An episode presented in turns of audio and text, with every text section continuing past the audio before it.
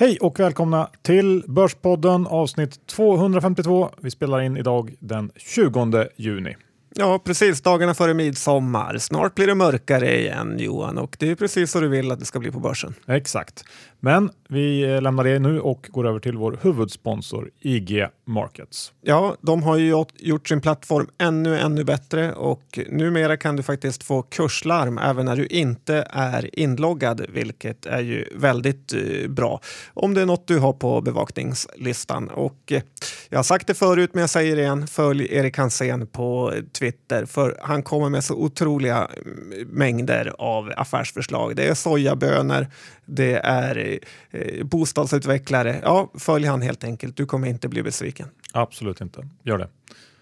Och vi är också sponsrade av Lysa, eh, vår robotrådgivarsponsor som med ny teknik kan erbjuda eh, avancerad förvaltning till alla kan man säga och det här får man då till ett väldigt lågt pris.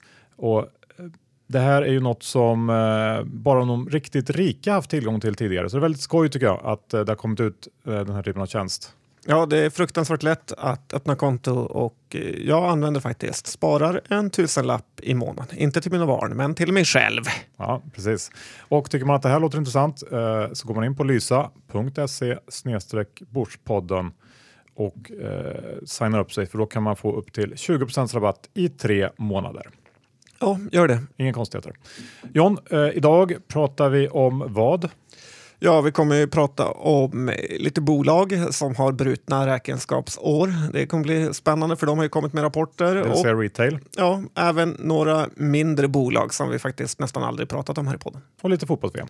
Ja, annars, eh, det vore ju tjänstefel att inte göra det. Plus eh, att vi gästas av eh, Catena Medias nya vd. Så det blir också skoj. Ja, han kommer in en sväng på slutet och det ska bli verkligen kul att höra vad han säger. Ja. Eh, innan vi kör igång så ska vi också berätta om eh, vårt erbjudande från Privata Affärer eh, som är Nordens största privatekonomiska magasin. För endast 259 kronor så får man åtta nummer av Privata Affärer och John, jag riktar mig lite eh, särskilt till dig här. Dessutom fyra eleganta whiskyglas från Orrefors. Perfekt eh, nu när man eh, är ledig mycket. Ja, varför tittar du på mig? Jag dricker ju direkt ur flaskan. ja, men alla andra då. Och dessutom två nummer av eh, Sveriges ledande börstidning Placeringsguiden. Det här erbjudandet är värt 1400 spänn, men man får det då för 259 och det är ingen bindningstid i erbjudandet. Så gå in på privataaffärer.se snedstreck Börspodden utan prickar då såklart. Mm, gör det. Jag har gjort det väldigt imponerad över Placeringsguiden faktiskt. Nu kör vi igång dagens avsnitt. Johan Dr. Bass Isaksson, index är 1570 och eh, ja, vi kan väl säga att det verkligen inte hänt mycket på den fronten sista eh, veckan här på eh, svenska börsen. Nej, börsen står och stampar, har handlats ner lite grann på oro för handelstullar här i veckan. Men det känns inte som att vi har någon tydlig riktning ändå. Delvis är det för att kronsvagheten räddat oss här i, i Sverige börsmässigt, men Ja, det, det, händer inte så mycket som du säger. Och på något sätt så har man ju blivit lite blasé inför vad som händer i form av politik och handelstullar och så vidare. Man har så många gånger de sista åren tänkt att nu måste väl marknaden gå ner på det här om det nu är Brexit, eh, Trump, handelstullar eller något annat. Men den har bara skakat av sig allt och fortsatt. Men någon gång så kan det ju faktiskt vara så att en sån här grej spelar roll på riktigt. Och eh, det lär väl hända när ingen riktigt är beredd på det. Det vill säga lite det läget vi är i nu, att man har lärt sig att ignorera den här typen av news de sista åren. Så att, ja, man får ju ändå ha, ha med sig det här i bakhuvudet på något sätt. Men det känns som att eh, ja, som det ser ut nu så är det ingen som tänker bry sig så jättemycket om det. Nej, men jag tänker lite på eh, det Simon Blecker sa, det Simon Blecker Report eh, kallar jag det att eh, den här eh, låga vållan som eh, vi har haft under lång period har gjort att experterna nästan dagligen varit i tidningen och sagt att vi kommer få se ökad vållad framöver. just när det rörde sig några procent tidigare. Och det är ju det man lite grann hatar med experter, att de är som eh, roulettspelare. roulettespelare. Det har varit mycket rött nu och då måste det bli svart eh, snart. Men eh, Simon sa ju att eh, han trodde ju precis tvärtom, att han var orolig för att börsen skulle stå i princip helt stilla i fem år. Och jag vet inte om det är en sån här så kallad sommarbörs som vi har sett eller om det här, det vi ser nu, kommer liksom fortsätta i lång tid framöver. Men ja, det känns ju som du sa att eh, det spelar ingen roll, men börsen rör sig inte mer än 0,2 överhuvudtaget eh, per dag. Så att, eh, det här är ja, negativt för hela finansbranschen ja, eftersom nej, många tjänar på att det går upp och ner. Man börjar ju bli lite rädd för att eh, Bleckers outlook kommer att bli sanning. Men det har gått några månader och vi pratar om fem år ungefär, va? så att det får nog ge det lite längre tid innan vi Eh, Fyra år och åtta månader kvar då Johan. Ja exakt. Vi går över till eh, klädbolagen. De har levererat lite siffror sista veckan. Dels har vi då H&M som i fredags var inte lyckades leverera på låga förväntningar när de rapporterade sin, eh, sin försäljning för kvartalet. Och eh, det här bolaget bör, borde ju nu rimligtvis närma sig en punkt där man verkligen måste göra något drastiskt åt den här lagersituationen som på något sätt ligger och släpar över den här aktien. Och det är svårt att se att det händer någonting eh, jättepositivt innan man har löst det. Eh, sen så kommer man med lite så här nya idéer. Nu i förra veckan var det A Found som hade premiär och idag såg jag att man gick ut med att man skulle börja sälja lite möbler och sådär. Men inget av det här känns det som att det kommer att spela någon större roll på bjässen H&M utan det handlar ju om eh, alla butiker och eh, jättelagret på något sätt. Nej, det här börjar kännas som ett jättemisskött eh, företag. Jag vet inte hur man kan satsa på små, starta en butik som med Afound när man har liksom tiotusentals butiker som underlevererar och fortfarande kör klädkarusellen fullpackad med billiga t-shirts. Men gratulerar till er strategi. Ja, sen har vi då MQ. De kom ju in eh, lite bättre än väntat, främst kanske resultatmässigt. Eh, lite sämre försäljning, men eh, de håller upp resultatet trots, trots att, att eh, aktien är lågt värderad och den har gått riktigt dåligt så räcker inte det riktigt ändå. Eh, marknaden väljer att fokusera på de här strukturella motvindarna i branschen och eh, det förstår man ju ändå. Eh, sen hade vi också Kappahl eh, som i samband med att de bytte vd förra veckan gick ut med preliminärsiffror för Q3 och det var väl ungefär som MQ resultatmässigt, eh, lite bättre än väntat. Eh, men aktien har väl i princip bara med nöd och näppe lyckats lyfta trots att den också är rejält nedpressad. Så det känns som att man, man eh, är inte särskilt sugen på att äga de här eh, aktierna eh, man ser från marknadens håll. Nej, jag var ju väldigt orolig för MQ och trodde väl att det eh, skulle vara mycket sämre än så här. Och nu när det bara sjönk lite, dessutom var det väl någon engångspost också eh, enligt MQ. Så att, eh, men det blir ju så när storyn är att alla butiker ska dö så eh, kan du aldrig få aktiekursen att röra sig. Eh, det här Kappahl, lite synd om vdn som ändå gjort det rätt bra, men eh, ja, det blev kicken där ändå. Och, eh, eh det blir ju, alltså vad sån här auto favor, det kan nästan inte vara värre för en aktie än det var. Så det pratas ju ofta om att man ska köpa på botten och när det flyter blod och så vidare och det kan väl tycka att det gör här. Eh, men det är ju aldrig någon som vill köpa då och den här DIs köprek som de hade när aktien stod i, i 60 kronor eh, kommer ju bli rätt svettig att försvara här vad det lider. Och eh, jag lutar väl ändå nästan att man ska köpa in sig i de här bolagen nu. Jag tyckte att i USA hade vi för ett halvår sedan, år sedan, en liknande trend där eh, aktierna bara gick ner, men ändå så har de studsat upp en hel del faktiskt. Och eh, ja, det kan vara ett köpläge och det blir ju lite av det här survival of the fittest. Att, när många av de här mindre alltså enskilda butikerna blir utslagna så blir ju faktiskt marknaden bättre för de få som är kvar. Eh, jag skulle ju välja Kappahl, har jag sagt många gånger, av de här bolagen eh, som en späck. Men precis som alla andra är lite för feg Johan för att eh, våga köpa. Så du väntar helt enkelt? Ja. Ja, det kanske är klokast. Vi går över till någonting mycket, mycket roligare John. Fotbolls-VM som ju är i full gång och då kan vi fundera på hur det startat ur spelbolagens Eh, synpunkt. Um, och när det gäller exponering så är det såklart Kambi som är den mest exponerade aktören eftersom man har 100% av intäkterna från eh, sportspel och bland operatörerna så är det Kindred som eh, är störst inom den här nischen. De har nästan hälften av sina intäkter från sportspel. Eh, jag såg en sammanställning från Nordea här häromdagen eh, kring matchresultaten så här långt och om de har varit bra eller dåliga för spelbolagen. Och eh, enligt den här då så har det varit ungefär even Steven hävdar de mellan favoritvinster som då är alltså dåliga för bolagen och överraskningar som man som spelbolagsoperatör gärna vill, eh, vill se. Och jag undrar om man här inte också borde ta ganska stor hänsyn till eh, hur, hur liksom stora lag det är som misslyckas eller lyckas. Till exempel om vi tar Tysklands förlust mot Mexiko känns ju som en större vinst för spelbolagen än att Serbien slog eh, Costa Rica. Ja, verkligen. Det känns lite feltänkt. Jag vet inte hur spelgalna tyskar är i och för sig.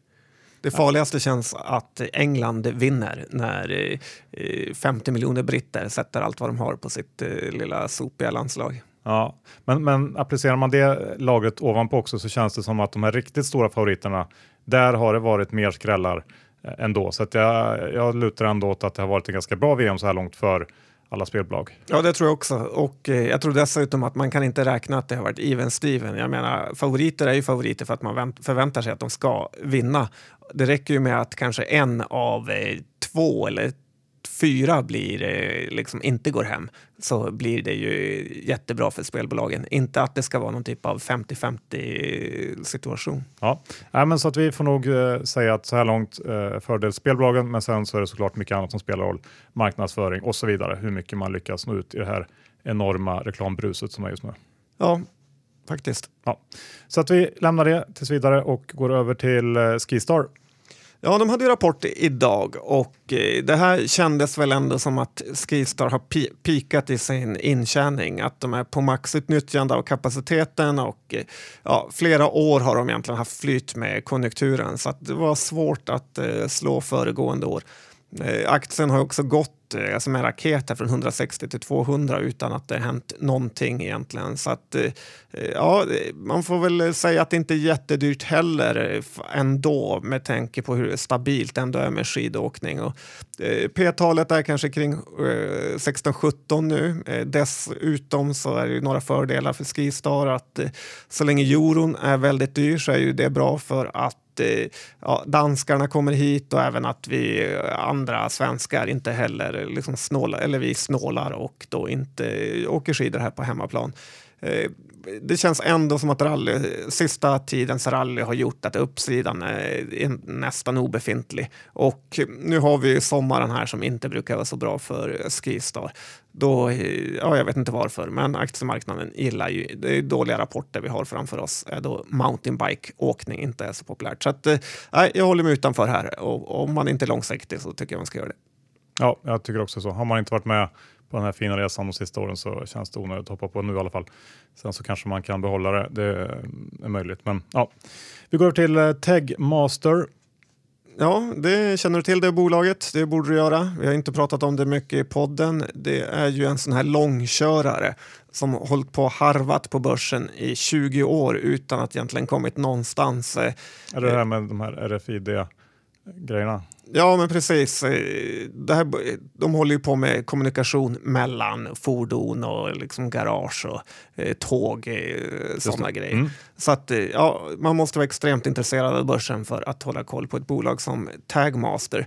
Men de kom in på börsen 99 och den har ju inte presterat överhuvudtaget. Och eh, de har ju ändå något intressant kan jag tycka med det här dagens mer och mer automatiserade samhälle. Att eh, fordon ska kunna kommunicera med varandra och eh, andra eh, saker. Men, eh, och de skrev ju här idag att de fick en order från Londons tunnelbana som beskrevs som betydelsefull. Johan, vad säger det dig?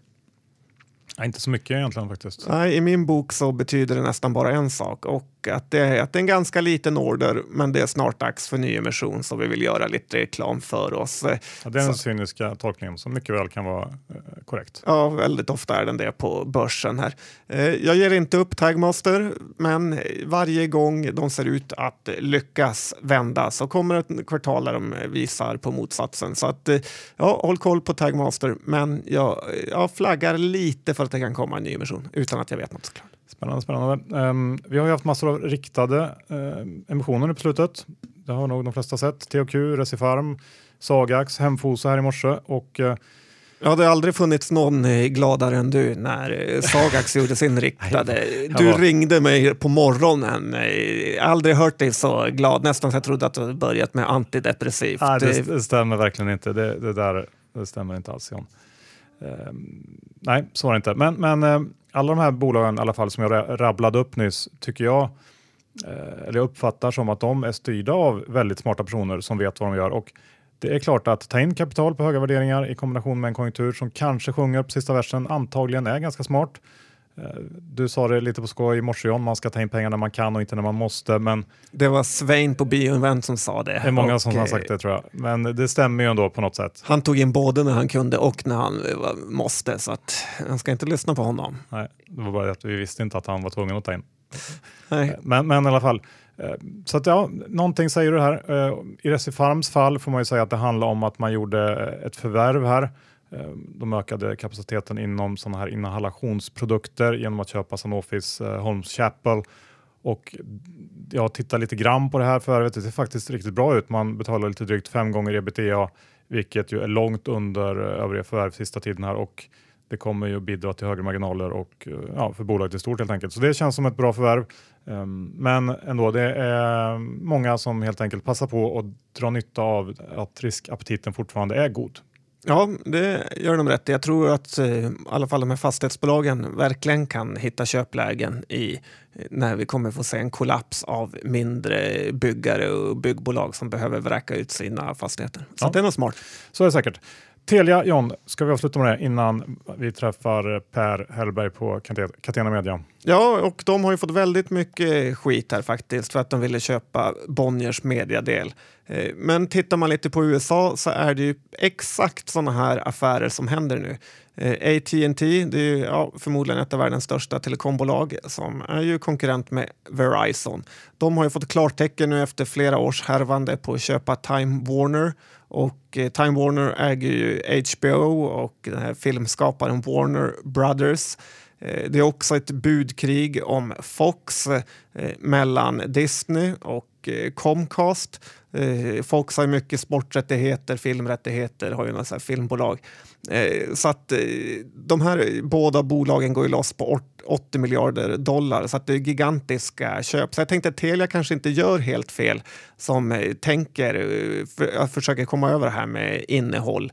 Eh, tittar man på Netflix så har ju de fått extremt bra betalt aktiekursmässigt för sin eh, strategi kring innehåll. Och eh, ja, det är så sjukt nu att Netflix är värt 175 miljarder dollar medan Disney och allt vad det eh, innehåller bara är värt eh, 150 miljarder dollar.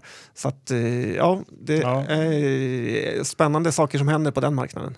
Netflix är väl upp en bit över 100 procent i år, 120 någonting va? Ja, det, Det har är gått ju- för, otroligt bra för dem. Jag tackar gud att jag inte sitter och handlar amerikanska aktier och ser på det där varje dag, för då skulle jag ju ha kortat mig till vansinne, kan jag säga. Ja, det förstår jag. Det är, många, det är inte lätt att eh, gå emot de amerikanska vilda eh, techaktierna. Vi är sponsrade av Lendify som John bidrar till, i alla fall för oss, att skapa ett, eh, ett kassaflöde som inte är korrelerat med börsen. Vi har ett konto där, vi är väldigt nöjda. Ja, det är vi. Det är ju fantastiskt vad de har lyckats eh, bygga upp på Lendify. Andrahandsmarknaden är ju likvid som ett bättre börsbolag. Jag såg 1500 affärer har gjorts eh, senaste 30 dagarna. Eh, vill man sälja sina lån så är det lätt. Vill man köpa som jag gör flera gånger i veckan så är det också lätt. Och ja, det funkar väldigt, väldigt bra för oss. In och testa lendify.se. Snedstreck Börspodden, för då får du 500 kronor eh, extra att investera om du stoppar in 10 000 och investerar dem. Lendify.se snedstreck Börspodden.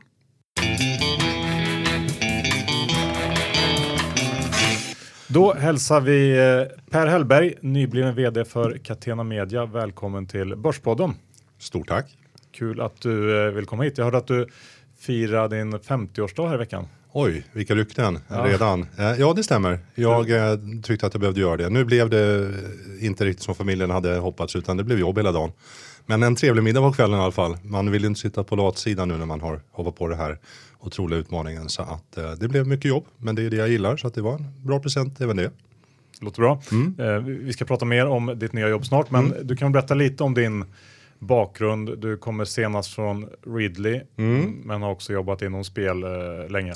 Ja, det har jag gjort. Jag tror att jag kan dela upp min eh, hittills karriär i, i tre delar kan jag säga. Halva livet har jag egentligen jobbat med konsumentmarknadsföring och försäljning eh, på rätt stora koncerner eh, på olika marknader runt om i världen. Jobbade på bland annat på Sony flera år på deras Europakontor eh, där de valde att vara ute i Europa.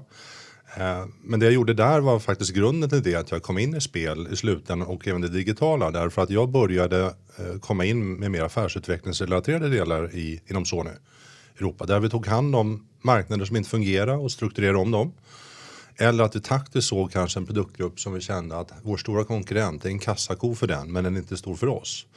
Kan vi bygga upp den så att vi blir större där och på så sätt sänker deras resultat så vi på så, på så sätt bygger upp vår position i marknaden. Så mycket taktiska uppbyggnader av affärsverksamheter runt om i världen för att stärka sin egen rörelse. Jag tror att det gjorde också att efter ett tag jag faktiskt ville komma bort från storbolagsdelen därför det är trögt.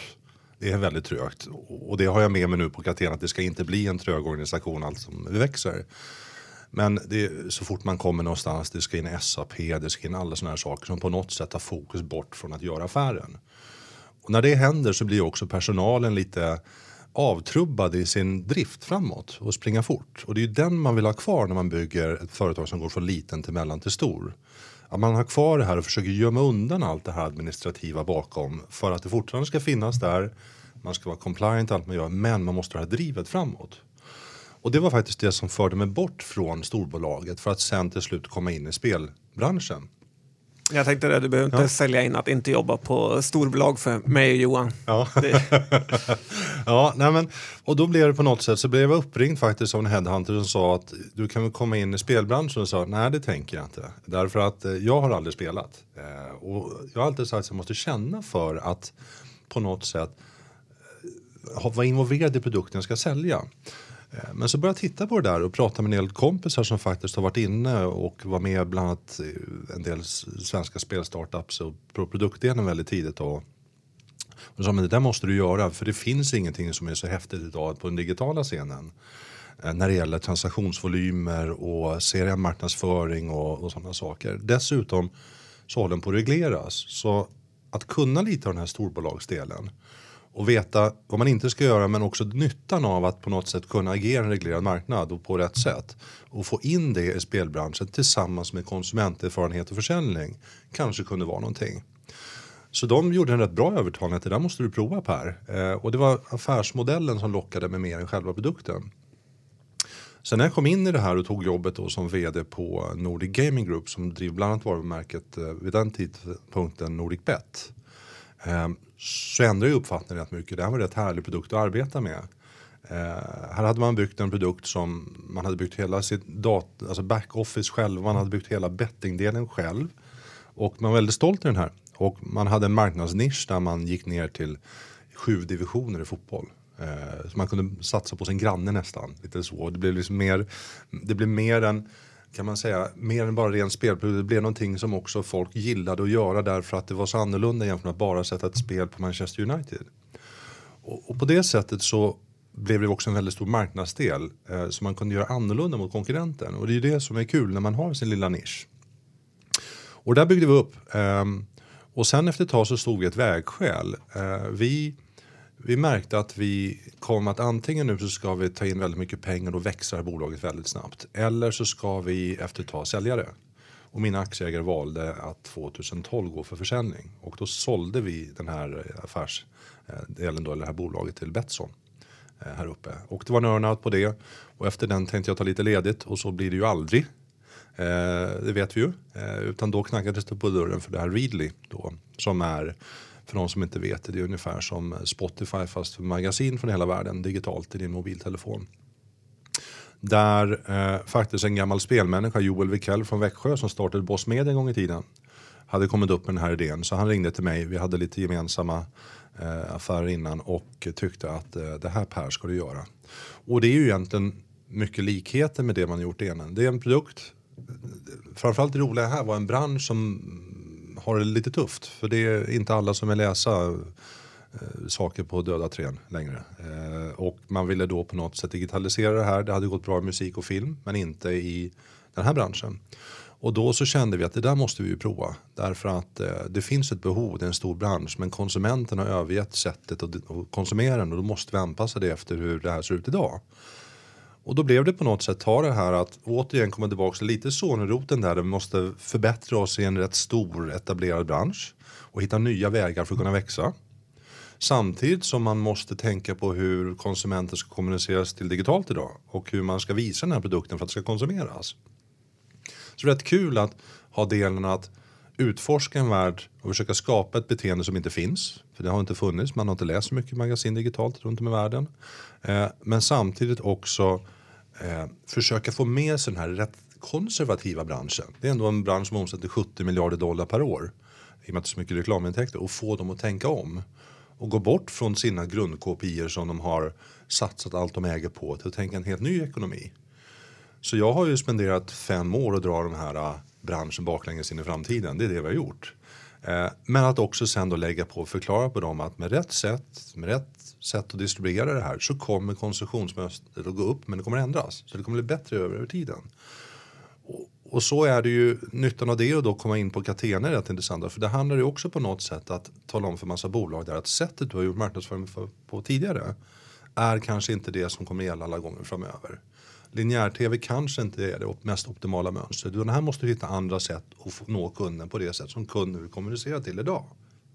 Och det är det som, vi, som jag tycker är så spännande här, att jag kan dra nytta av de här olika delarna jag kommer med in och hjälpa de här fantastiska medarbetarna att fortsätta utvecklas till något ännu större. Det var en spännande snabb dragning ja. av eh, karriären här. Jag har ja. några frågor där jag ja. tänker på Nordic Bet. Hur, hur satte ni odds på liksom division 5 och 4 fotboll? Ja, hur, hur gick det till? Ja, men det, är ju, ja, det handlar ju egentligen om att det var folk som, eh, som vi hade ju folk som åkte ut på läktaren och satte sig.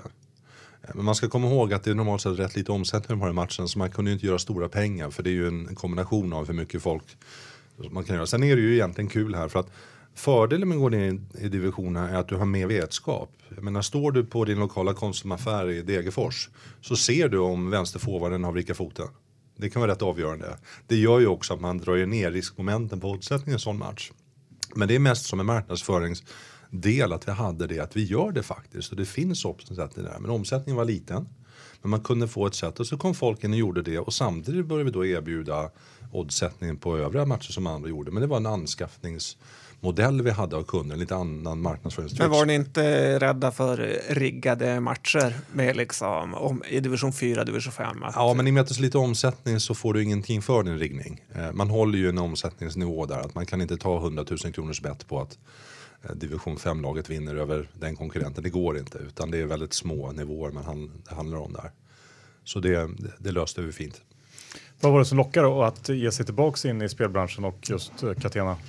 Jag tycker för det första är det ju intressant, jag tror det är kombinationer. Eh, när jag gör en bedömning av vad man skapar på så måste det finnas en möjlighet att bygga vidare ett bolag enormt mycket. Eh, I en bransch som antingen att den har problem för den kan inte förnya sig själv men man ser en möjlighet att göra det. Eller att det finns sådana enorma potentialer, man har precis hittat rätt och kan gå vidare. Eh, det är ju en kombination att man inte är klar. Eh, och få tända personalen på det sättet att de förstår det, att vi är bara början. Jag ser ju Catena som en liten provsmakning av hur det ska kunna bli framöver då och ändå har det växt så stort som det har gjort. Det andra är att det ska finnas intressanta personer som har varit med i det här eller som finns i rörelsen eller som kan komma in. Och det finns ju uppenbart på Catena. Om vi tittar på grundarna, om vi tittar på Optimizer när de kom in tidigt, om vi tittar på personalen som finns ombord idag så är det otroligt bra byggstenar att gå vidare på. Men sen också måste det finnas det här man ska gå ut och sälja någonting kul som folk vill lyssna på. Och som känner att det där har vi inte hört förut och man börjar förstå när, när man ser folk börja förstå hur den här affärsmodellen funkar och dynamiken fungerar. Den här poletten trillar ner. Det är ju fantastiskt kul att stå och förmedla det här. Och de här ingredienserna måste finnas. Plus, rent personligt, flytt till Malta, två döttrar, 8 och 12, engelsk skola. Det kan vara rätt trevligt för dem. Eh, vädret här nu på midsommar på fredag ska vara 14 grader och regn. Det kommer inte vara på Malta. Så det finns vissa fördelar. Eh, sen är jag en passionerad utförsåkare. Det får jag välja bort på Malta kanske. Så det är ge och ta men fortfarande så är det att det är en, en intressant bransch Det är ett bolag som vill vidga sina vyer utanför spel och, och eh, kapitalisera på mer vertikaler och det är ett enorm framdrift i bolaget. Det, och det måste man bara hoppa på. Ni, har, ni pratar mycket om fler vertikaler. Har ni liksom krämat ut allt ur speldelen? Nej, nej, absolut inte. Eh, tittar man primärt på det här så kan man säga att vi ser oss själva som störst idag på Spelaffiliation, det största bolaget som finns där ute på att göra det. Men vi ser oss själva som små på den totala spelbranschen.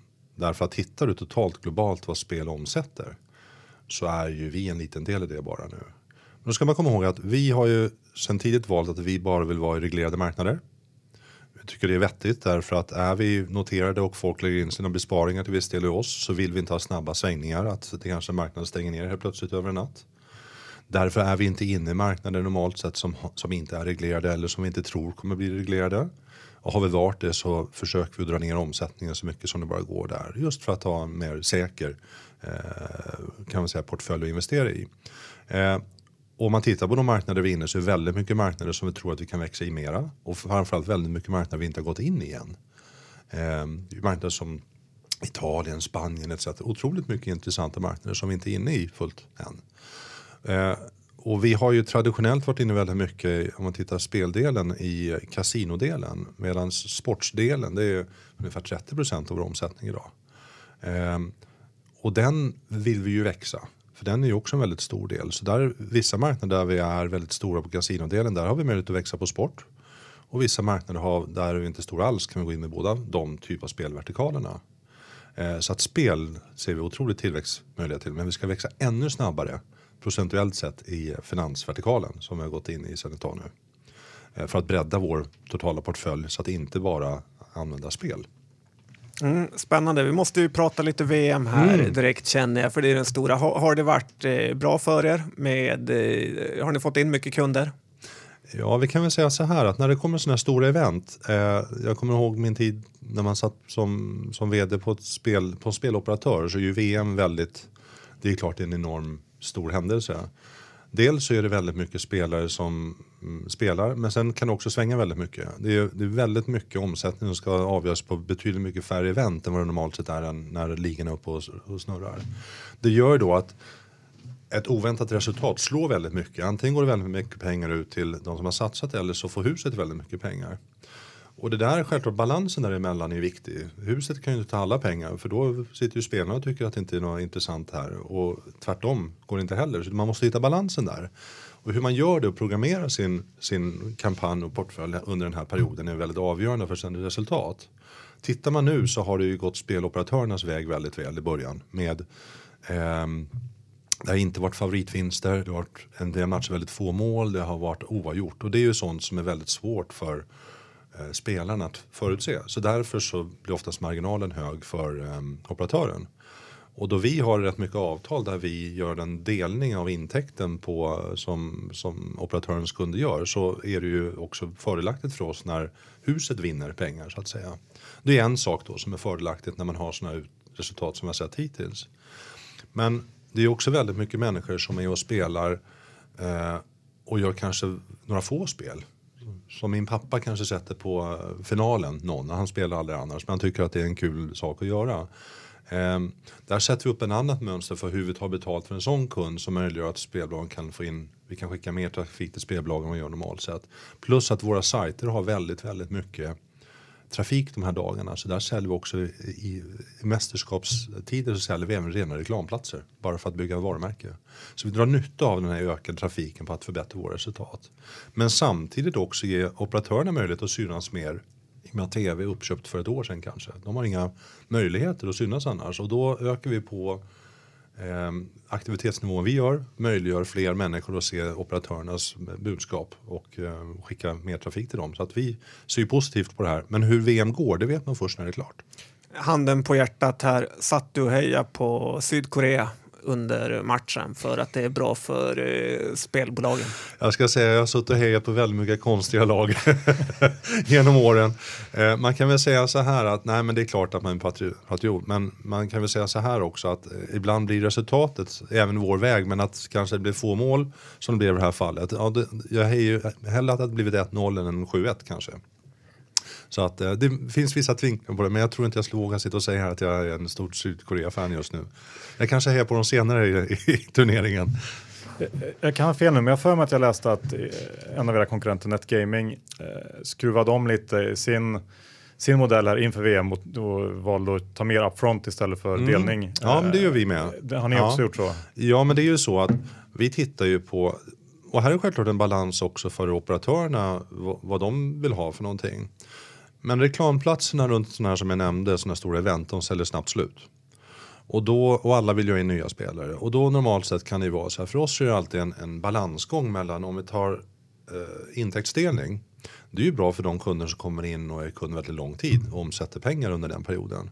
En kund som bara lägger ett bett för oss det får vi ju inte så stor delning av då.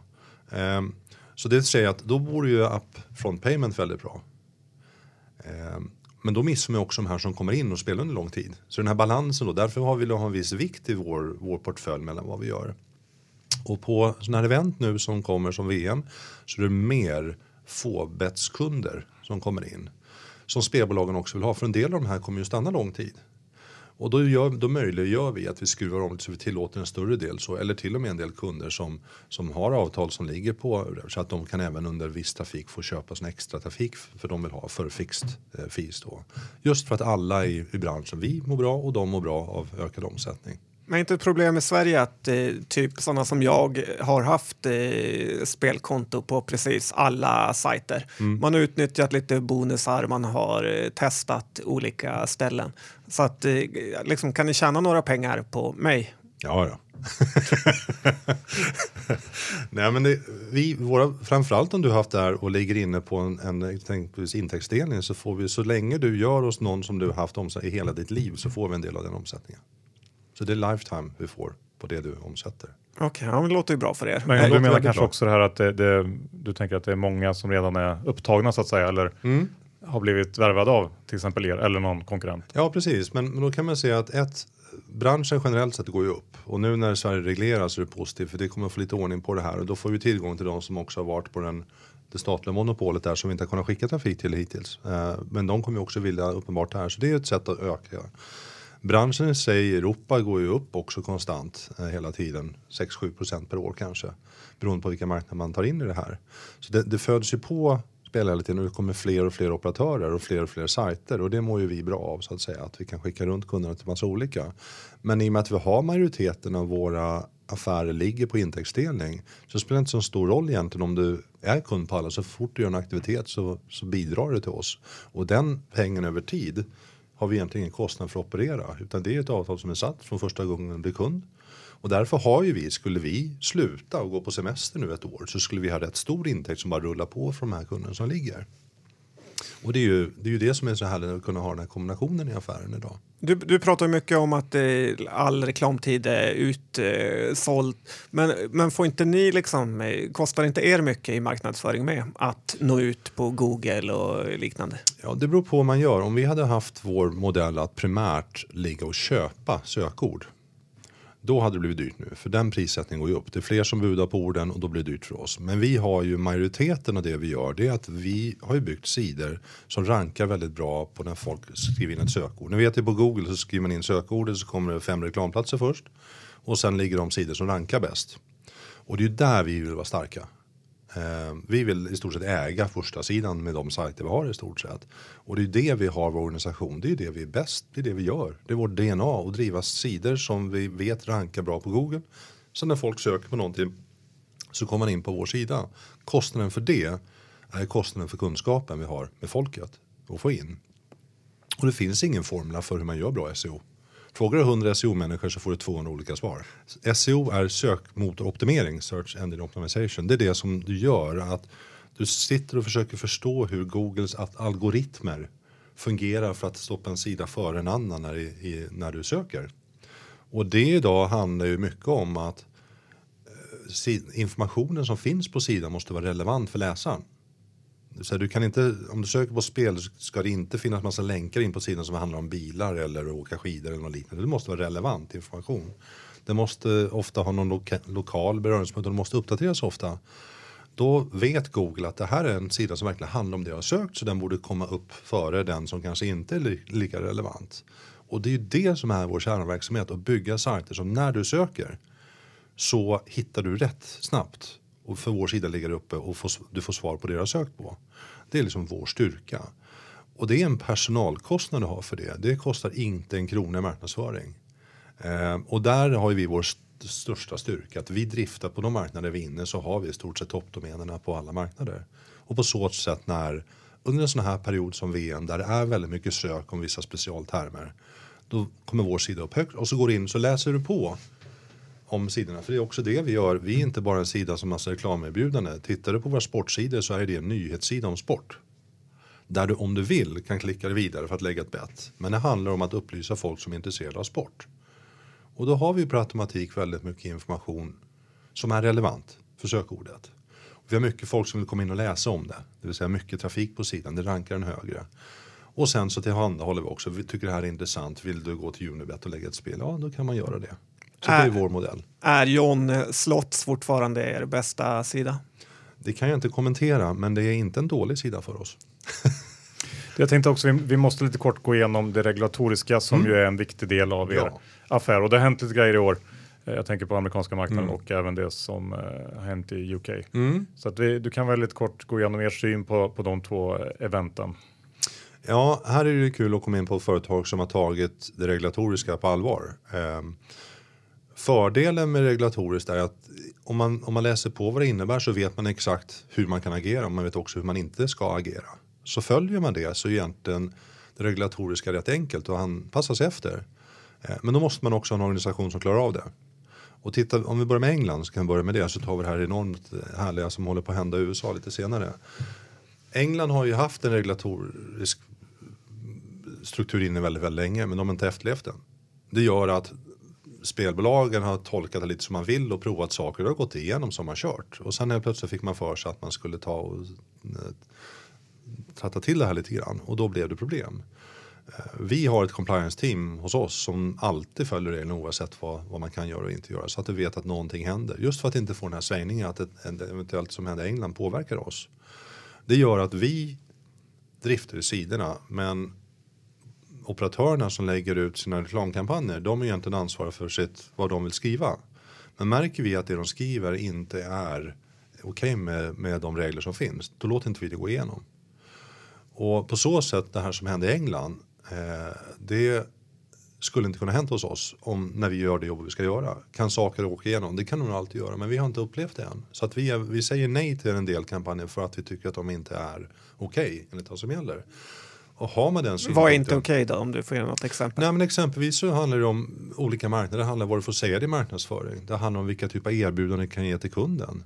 Ta som USA vi pratade om senare så i vissa fall får du inte göra eh, återkommande insättningsbonusar. Eh, därför att de vill inte trigga det. Du får bara göra en första insättning så får du göra en bonus. Men upprepade bonusar får du inte göra. Och det kanske ändras i vissa stater. Då måste man eh, titta på det etc.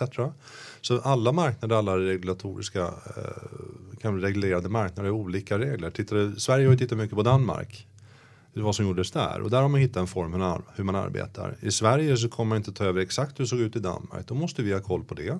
Så att vi vet vad gäller här. Eh, för att när vi skickar en kund, vi vill ju inte att en kund känner att på vår sida har man inte budskap som inte är okej. Okay. Så där har vi ett ansvar och då stoppa sånt som inte vi är, som vi ser är, är bra för eh, kunden. Och om vi tittar på den amerikanska det, marknaden, vad säger de det? Jag hörde förresten häromdagen att, eh, att eh, om Las Vegas Knights hade vunnit NHL så hade det varit den största katastrofen för kasinona i Vegas då det var 500 mot en i odds på att de skulle vinna hela Stanley Cup. Kände du oro där?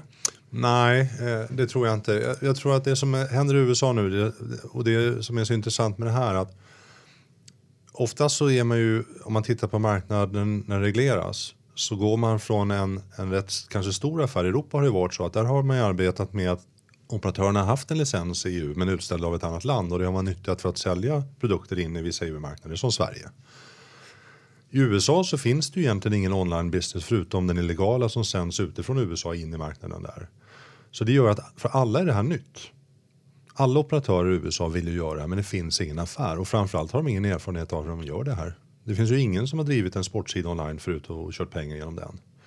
Eh, man vet inte hur man får in kunder reklammässigt, man vet inte hur man får dem att stanna via CRM-aktiviteter. Så allt är väldigt nytt här. Och det gör ju en enorm möjlighet. Vi ser att mycket operatörer anställer europeer för in och bygga upp det här, för de har kommit med erfarenheten. Och med den kommer då så här att när man har stora event och sånt så lär man sig också kanske för onlinekunder hur man ska oddsätta etc. Hur man tar risk och bygger upp den här boken. Då.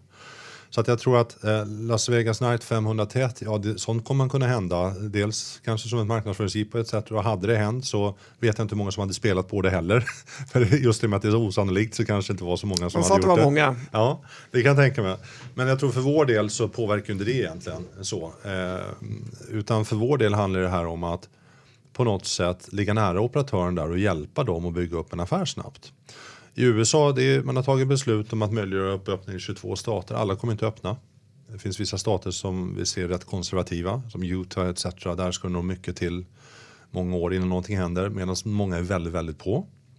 Eh, vi har ju en bedömning att vi har ju guidat på att vi ska kunna se omsättning från det här då i Q4 i år. Vi, så det ligger vi kvar med. Med lite tur så kommer det tidigare, men det är svårt att säga beroende på operatörerna, hur de, vad de gör. För Men det är rätt tidigt ändå.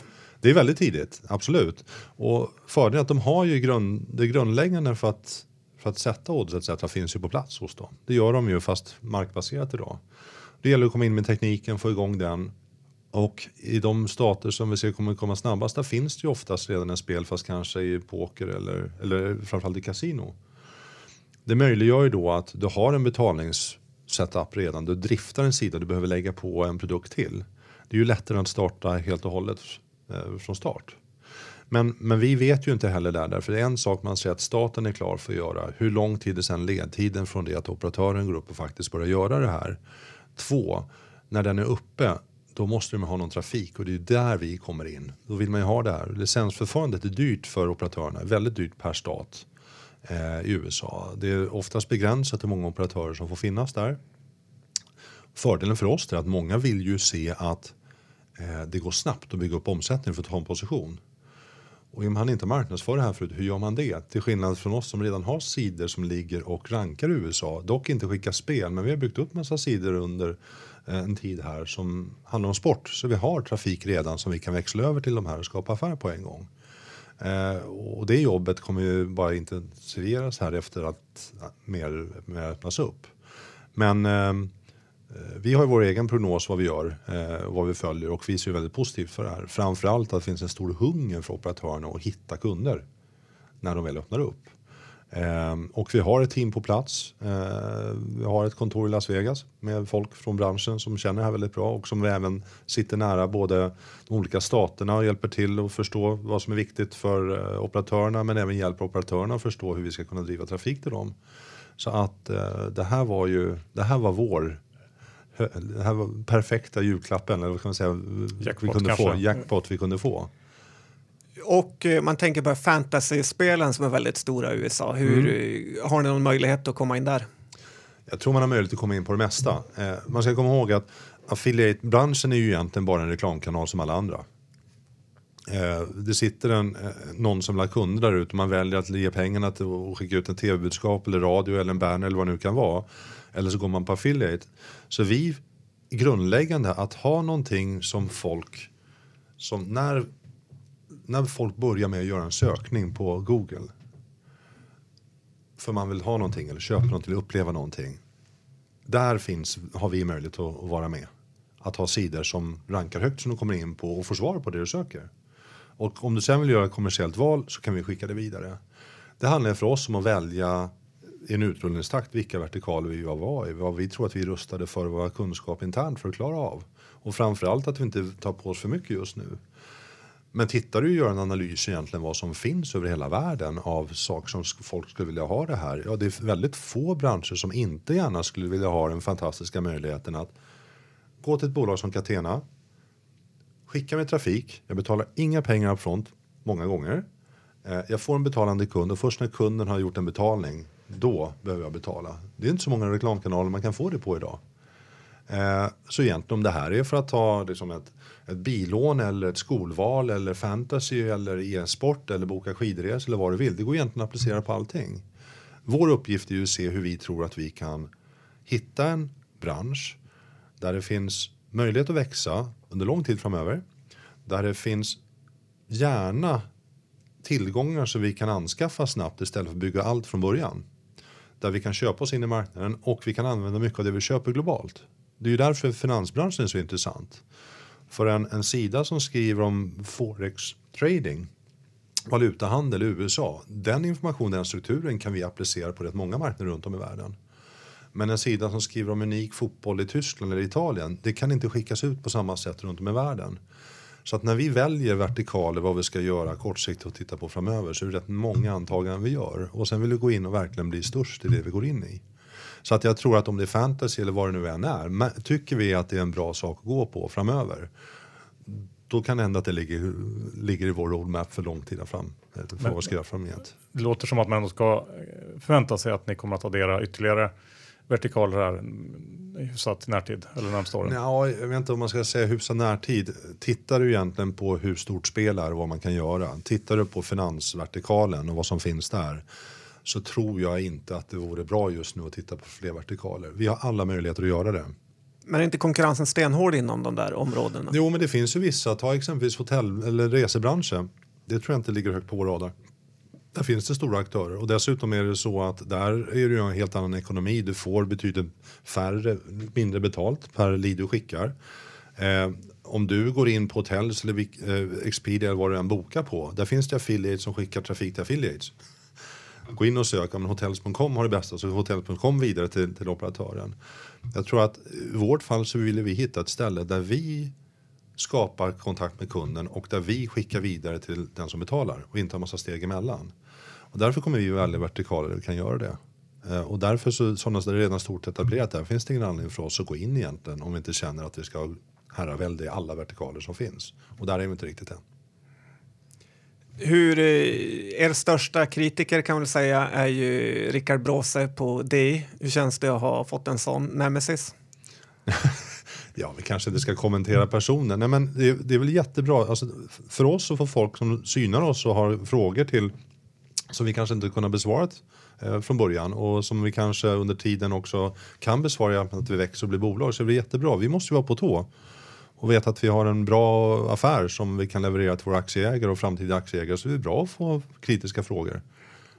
Om vi tar någon sån då, du är tredje vdn här nu på, mm. är det inte lite rörigt då på att ha, ha så många vd-byten?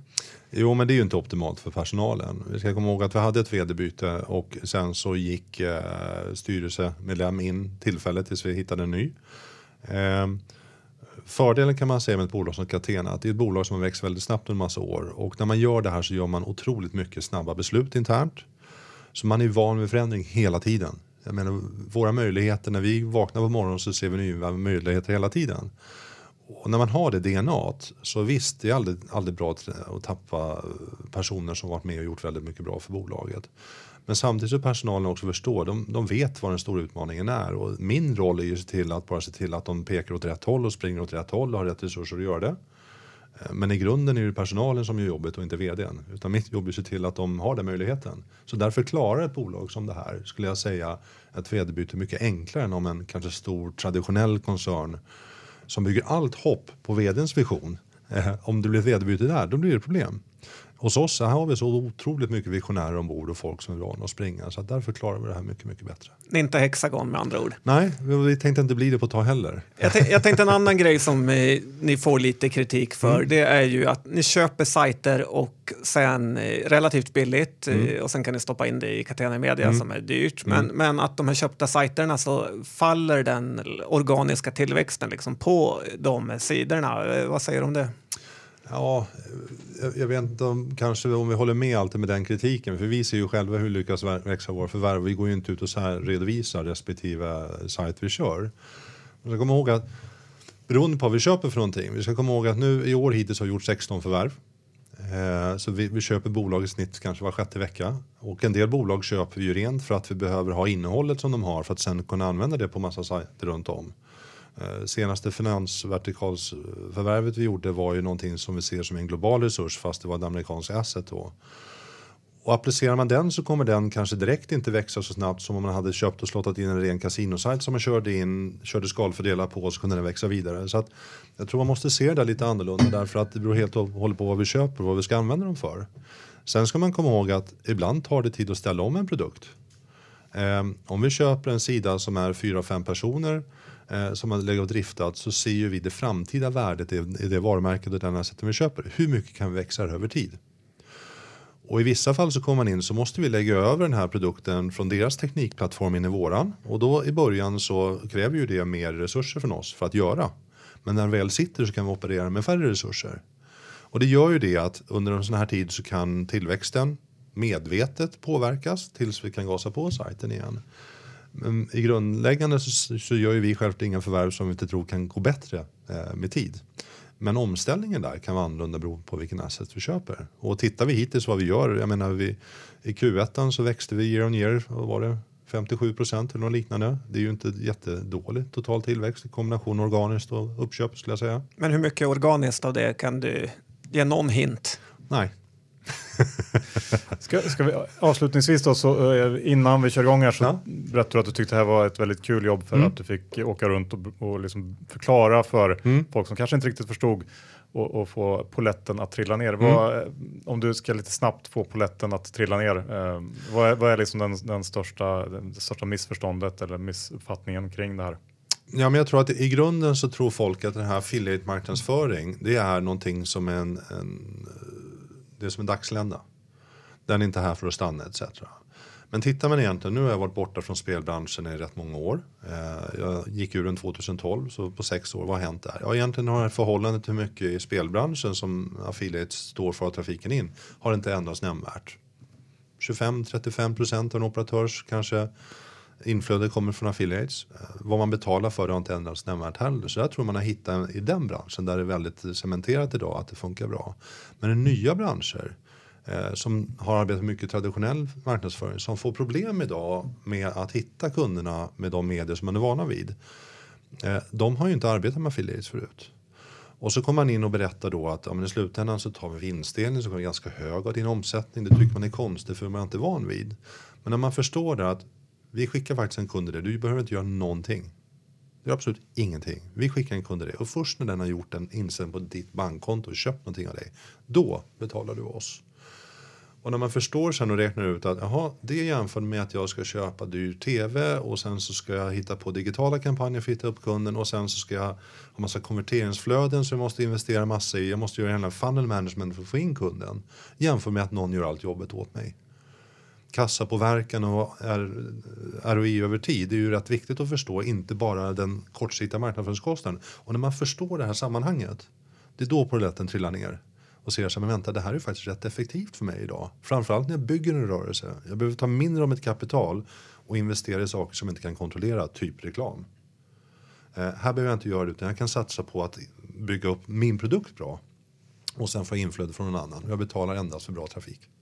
Det är ju mm, några år tillbaka så lät det som en utopi och en dröm, men idag är det verklighet. Mm. Det var eh, bra förklarat. Eh, ska vi sluta med att fråga här, vilket lag tror du kommer vinna fotbolls-VM? Ja, om man ska titta lite statistiskt skulle man säga Tyskland, men det hoppas ju verkligen till med att vi ligger i samma grupp.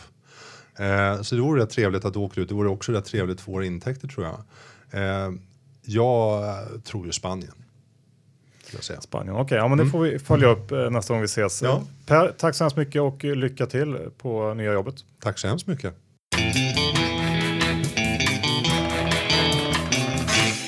Slut på avsnitt 252. Vi tackar eh, IG Markets som är vår huvudsponsor. Ja, ni vet ju hur bra de är. Ladda ner appen, testa och ni vet också hur bra Erik Hansén är på Twitter. Så följ honom. Tack för det IG. Ja, och tack Lysa robotrådgivaren som med ny teknik kan erbjuda avancerad förvaltning till ett väldigt lågt pris. Eh, ja, öppnar upp det här för alla helt enkelt. Tycker ni att det låter intressant, gå in på lysa.se börspodden för då får ni upp till 20 i rabatt i tre månader. Ja, inga konstigheter. Nej, precis. Och missa inte heller eh, erbjudandet från privata affärer. För 259 kronor så får du åtta nummer, fyra whiskyglas från Orrefors och två nummer av placeringsguiden. Det här är egentligen, eh, kostar egentligen 1400 kronor men du betalar bara 259. Gå in på privataaffärer.se börspodden. Mm, gör det nu för det är riktigt bra med placeringsguiden. Precis. Och som alltid, Lendify ska man ha med som en del av sin portfölj. Bli din egen bank John, precis som vi är på Börspodden. Ja, det är ju otroligt lätt och det fungerar väldigt bra. Lendify har lyckats med något eh, stort här. Så att jag kan verkligen rekommendera, gå in på lendify.se. Snedstreck Börspodden. Ja, så får man de här fem extra procenten med. Precis. 500 kronor extra om man investerar minst 10 000 kronor. Bra, John, var det något av bolagen vi pratade om idag som du själv äger? Nej, det var det väl egentligen inte faktiskt. Nej, bra, samma här. Så att eh, vi tackar för oss den här veckan och hörs om en vecka igen. Hej då!